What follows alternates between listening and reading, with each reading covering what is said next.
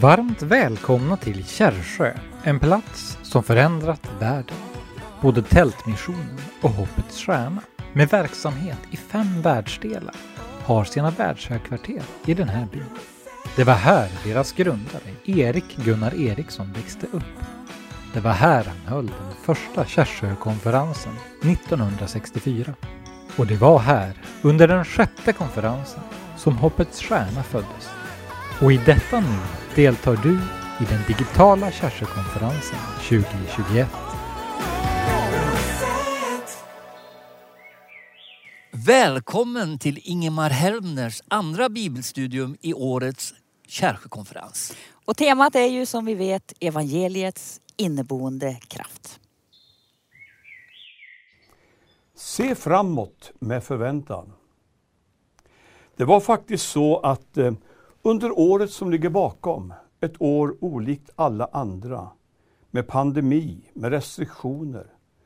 Jag kunde inte vara ute som jag brukar på mina mötesresor, men då har jag använt tiden till en del andra saker, bland annat skrivit en ny bok som bär den här rubriken Se framåt med förväntan.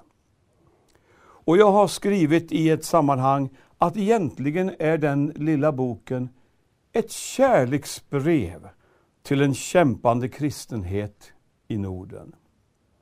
Jag ser framför mig många församlingar som är ganska tröttkörda. Och det har funnits en del av missmod och apati, brist på levande vision och, och mod att ta initiativ och gå framåt. Hur ska det gå? Hur ska det bli? Och talet om all avkristning, all sekularisering har också tagit modet ur de kristna. Och talet om att tron är en privatsak, så inget vi ska pådyvla andra, har gjort att evangelisationsivern har mattats.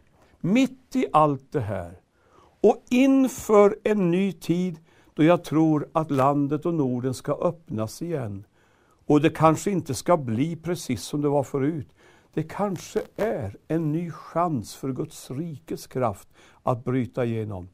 Inför den här tiden så kände jag att jag ville ta pennan och skriva. Och rubriken den bara fanns där från början. Se framåt med förväntan. Jag ville skriva in de orden i ditt hjärta. Se framåt med förväntan. Och jag läser från Jesaja kapitel 43, vers 18 och 19. Tänk inte på det som har hänt. Bry er inte om det som förr var. Och det är alltså Gud som talar. Se, jag gör något nytt.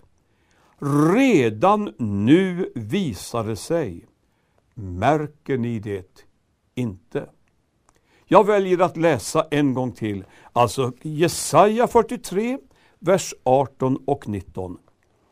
Tänk inte på det som har hänt, bry er inte om det som var förr. Se, jag gör något nytt. Redan nu visar det sig. Märker ni det inte? Tänk inte på det som har hänt. Jag tror inte att vi ska tolka det ordet på det sättet att det är eftersträvansvärt att bli historielösa. Långt därifrån. Det är ju en väldig fara i vår tid.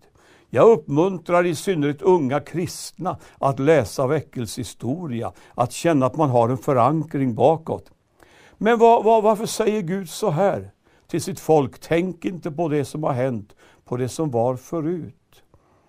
Ja, vi kanske skulle formulera det så här. Även om du har en djup förankring så kan du inte vara bunden i gårdagen. Leva i det förflutna samtidigt som du vill tjäna Gud.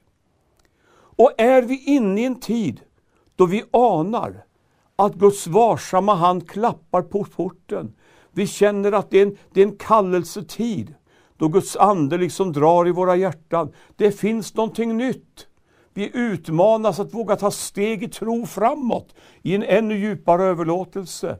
Det är då det är så oerhört angeläget att det inte finns en massa osynliga fotbojor omkring våra fotleder som hör ihop med gårdagens upplevelser, besvikelser och missräkningar. Sånt som håller oss tillbaka och som gör att vi inte är fria att gå framåt in i det Gud har berett.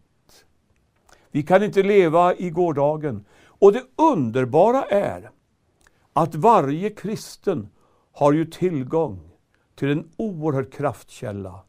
Det är Jesu blod utgjutet på korset. Tänk att både du och jag under bön kan få stryka Jesu försonande blod över gårdagens erfarenheter. Och med den kraften så kan vi få klippa felaktiga band som hör gårdagen till för att vara fria att leva och vandra och tjäna Herren idag. Jag har en god vän som har varit lärare, författare faktiskt, missionär. Han har levt ett mycket rikt och spännande liv. Och nu är han kommit till ganska hög ålder. Och han tittar på barn och barnbarn, han tänker på församlingen och han har känt, jag skulle nog skriva ner mina memoarer. Jag vill ge det som ett arv, ett testamente till mina nära och kära och så vidare.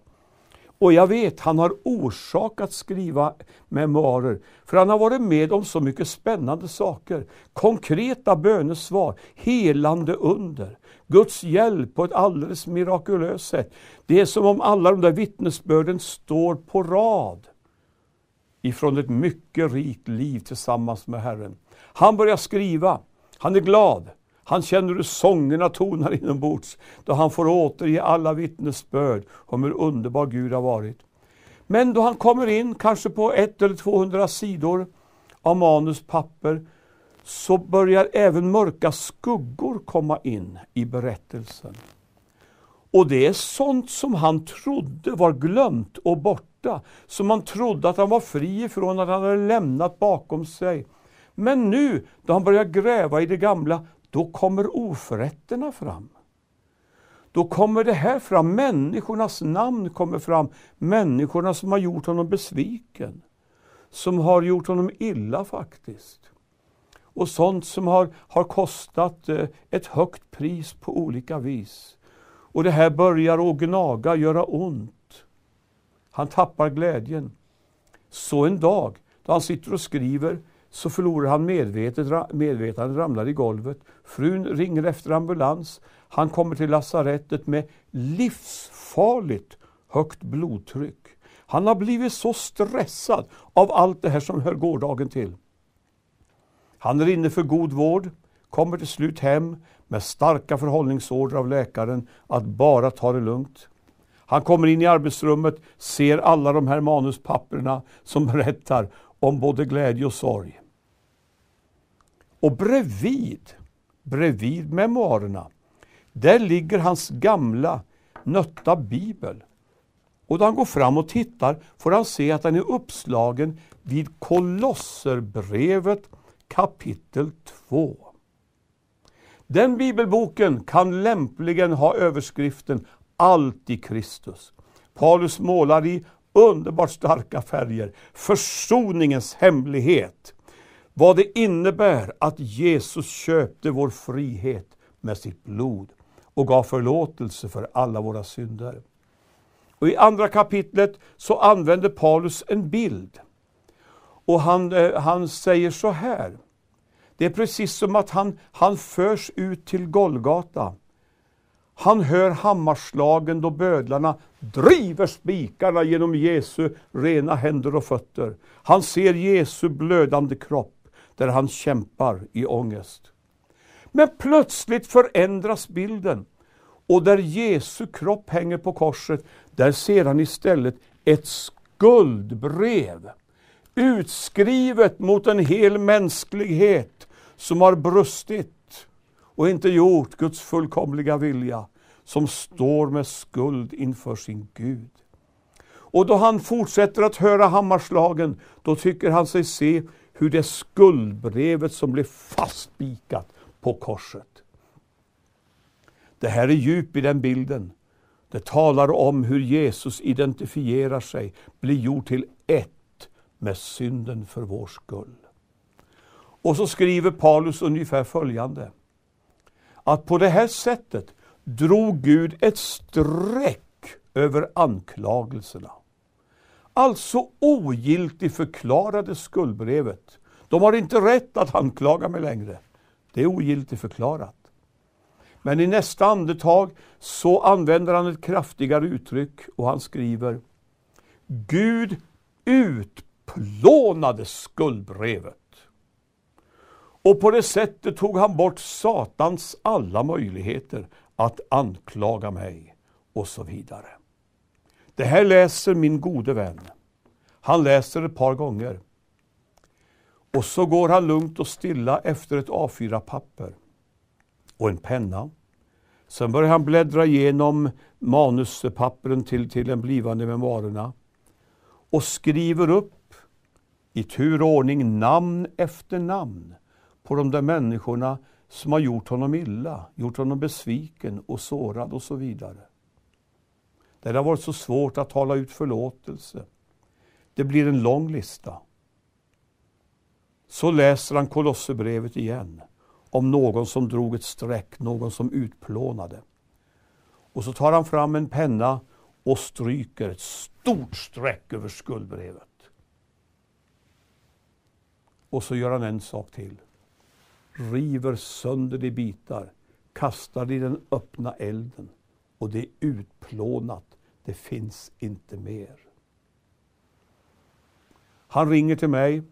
Han gråter av glädje och han säger Ingemar, jag har aldrig under mitt liv mått så här bra. Jag har aldrig känt mig så fri, så lättad. Jag har aldrig känt Guds närvaro så starkt som nu. Och så förstår jag att de där namnen på den där listan, det ska aldrig plockas fram mer. Tänk inte på vad som har hänt. Nej, vi får lämna gårdagen.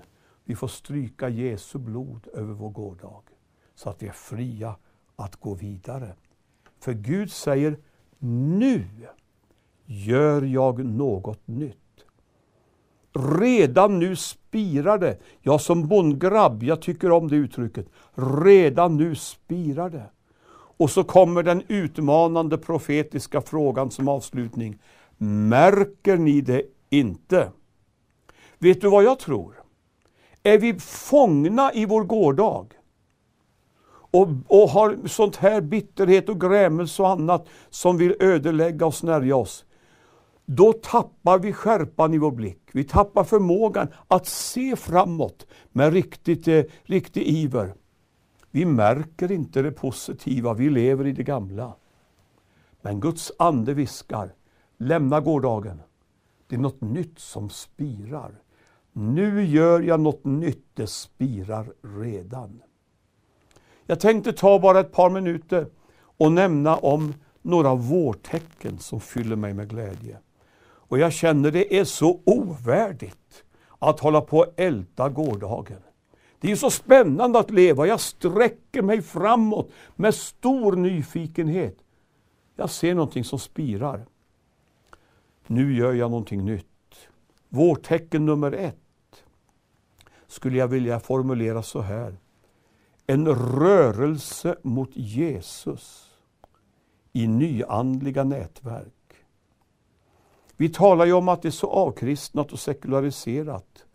Men samtidigt finns det ju en oerhörd andlig hunger och människor köar hos häxor, healers, schamaner, alla tänkbara trollkarlar. Det finns verkligen andlig längtan och det finns en större öppenhet för andliga frågor, för en andlig dimension än någonsin förut, så långt jag kan minnas. Om inte Guds församling ser detta som en utmaning och en möjlighet, då måste vi vara helt förblindade. Och jag har hört trovärdiga rapporter ifrån människor som en gång var bekännande kristna, men som har snärjts av okulta krafter, varit inne i New Age nätverk.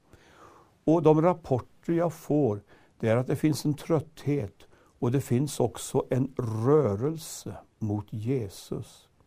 Så jag tror att om ryktet bara börjar gå in i de där nätverken, i Värmland och Dalarna och Jämtland och var det nu är, om ryktena börjar gå in i de här okulta nyandliga nätverken, att det finns platser, det finns församlingar där Gud uppenbarar sig. Då kan det bli en, en väckelserörelse som kommer som en stormvind, snabbt, hastigt. Jag har den djupa känslan. Vårtecken. Ett vårtecken inne i kyrkan. Det är en förnyad bönelängtan. Det är märkligt att under det här året med restriktioner, då kyrkorna har stängts, så har jag varit med på bönegudstjänster som har varit numerärt större än vad församlingarna brukar ha. Jag kunde nämna flera platser. Vi har till exempel haft Zoom-bönemöten och människor har ringt in för att vara med. Förra veckan var jag på en sån gudstjänst hemma i mitt vardagsrum, men på besök i en medelstor stad i Sverige. Och jag får höra av en förundrad pastor att de är ungefär tre gånger så många samlade som de brukar vara samlade. Och det här händer på flera platser nu. Det är någonting som väcks till liv. Och jag tror att det är Guds andes verk. Det är vårtecken för mig. Det är något som spirar. Jag har aldrig förut hört om så många samlade, starka böneinitiativ som idag. Och det som berör mig allra mest, det är att i frontlinjen går många unga kristna. Jag var i en pingkyrka för ett tag sedan och begick ett förskräckligt misstag. Jag satt på första bänken i inledningen. På andra bänk, tredje, fjärde satt det 15-20 tämligen nyfrälsta ungdomar. Bakom mig det var grabbar i högstadieåldern, i 15-årsåldern, som stormade in. Och så sa mötesledaren, nu tar vi en stund för bön. Och jag gjorde misstaget att själv vara alldeles tyst, bara fick den känslan. Jag ska vara tyst och lyssna. Och så börjar jag höra de här nyfrälsta 15-åringarna, hur de bad, vad de talade ut i bön. Och jag kände hängivenheten och trons låga som brann. Det är någonting nytt som händer på flera platser. Ett annat vårtecken det är en ny evangelisationsiver. Jag har sörjt över att ha känts så introvert i många kyrkor. Det ska vara bra för mig, det ska ge mig någonting och det är liksom kretsar bara om vårt eget välbefinnande. Nu på plats efter plats möter jag det som påminner mig om min ungdoms Jesusrörelse. Jag kunde nämna om tre, fyra platser där som jag haft kontakt med sista veckorna. Där unga kristna, radikala, verkligen gripna av Gud, fyllda av Guds ande, samlas flera kvällar i veckan till bön och lovsång. Och så ber man att den heliga Ande ska leda dem i kontakt med rätta människor och så går man ut två och två på stan för att vänligt fråga människor har du någonting som vi kan be för? Vi är kristna. Vi tror på bönens kraft. En pojke, 23 år gammal, sa till mig efter att ha varit ute så här ett par kvällar i veckan under ett halvår. Nio av tio som jag frågar tackar ja. Ber om förbönen. Det är Sverige nu. Det är någonting nytt som håller på att öppnas. Jag tror att om Guds ande börjar verka på ett lite mer tydligt sätt, då blir det också spänningar och slitningar, det drar åt olika håll. Det kan bli en väldigt dramatisk utveckling i, i kristenheten. En del församlingar de vågar inte öppna, de kommer att tyna bort tyvärr. Andra församlingar har ett bedjande, levande ledarskap som vågar ta med församlingen ut i en förnyad överlåtelse och hängivenhet, där man ger rum för Guds ande att verka. Och där kommer väckelsen att bryta igenom. En del säger, vad skönt och det snart blir som förut och blir sig likt. Var inte så säker på att det blir varken som förut eller sig likt. Jag tror att vi står inför en annorlunda tid. Och inom mig tonar det, hela vägen hit har det tonat inom mig. Tänk inte på vad som förr var. Och där gäller det ju också att jag med min heta längtan inte försöker tvinga in Gud i förutfattade meningar och jag har mina liksom färdiga mallar. Lägg ner allt det där också. Nu gör jag någonting nytt, säger Gud. Märker du det inte? Se framåt med förväntan. På vägen hit så bad jag Gud, lägg ett ord på mitt hjärta. Och det var så klockrent och tydligt då en vers ifrån Joels bok i Gamla Testamentet kom till mig. Joel 2 och 21, där det står Frukta inte du land, utan fröjda dig och gläds. Ty stora ting har Herren tagit sig för. Jag tror att det är dagens text. Och jag tror att många som lyssnar på mig känner en beröring nu när jag talar ut den. Frukta inte du land, utan fröjda dig och gläds. Ty stora ting har Herren tagit sig för. Så vad du gör, förminska inte Guds möjligheter. Det kan hända att du är född och liksom har ett, ett dåligt självförtroende. Du tycker inte att du kan någonting och du tycker det är så mycket fel och brister överallt och du ser negativt på möjligheterna. Vet du vad du ska göra? Istället för att gå runt och tala och tänka negativt. Du ska be dig igenom. Det kan man nämligen göra. Be till dess att man känner att allt gammalt negativt släpper sitt grepp.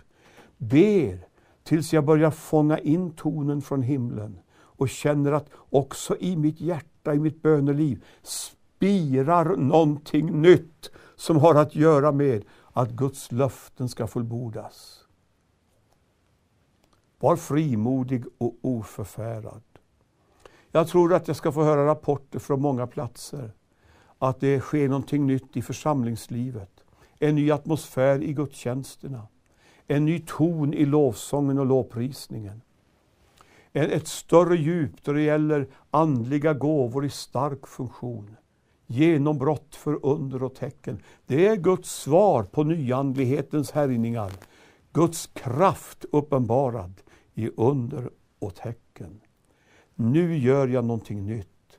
Jag slutar med att säga från kapitel 40 i Jesaja så möter du i varje kapitel löften om nya ting som Gud ska göra.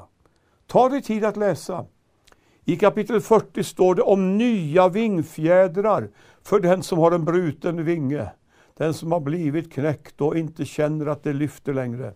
Där står det talas om ny kraft för den som är trött och den som till och med har fallit på vägen. Ny kraft, nya vingfjädrar.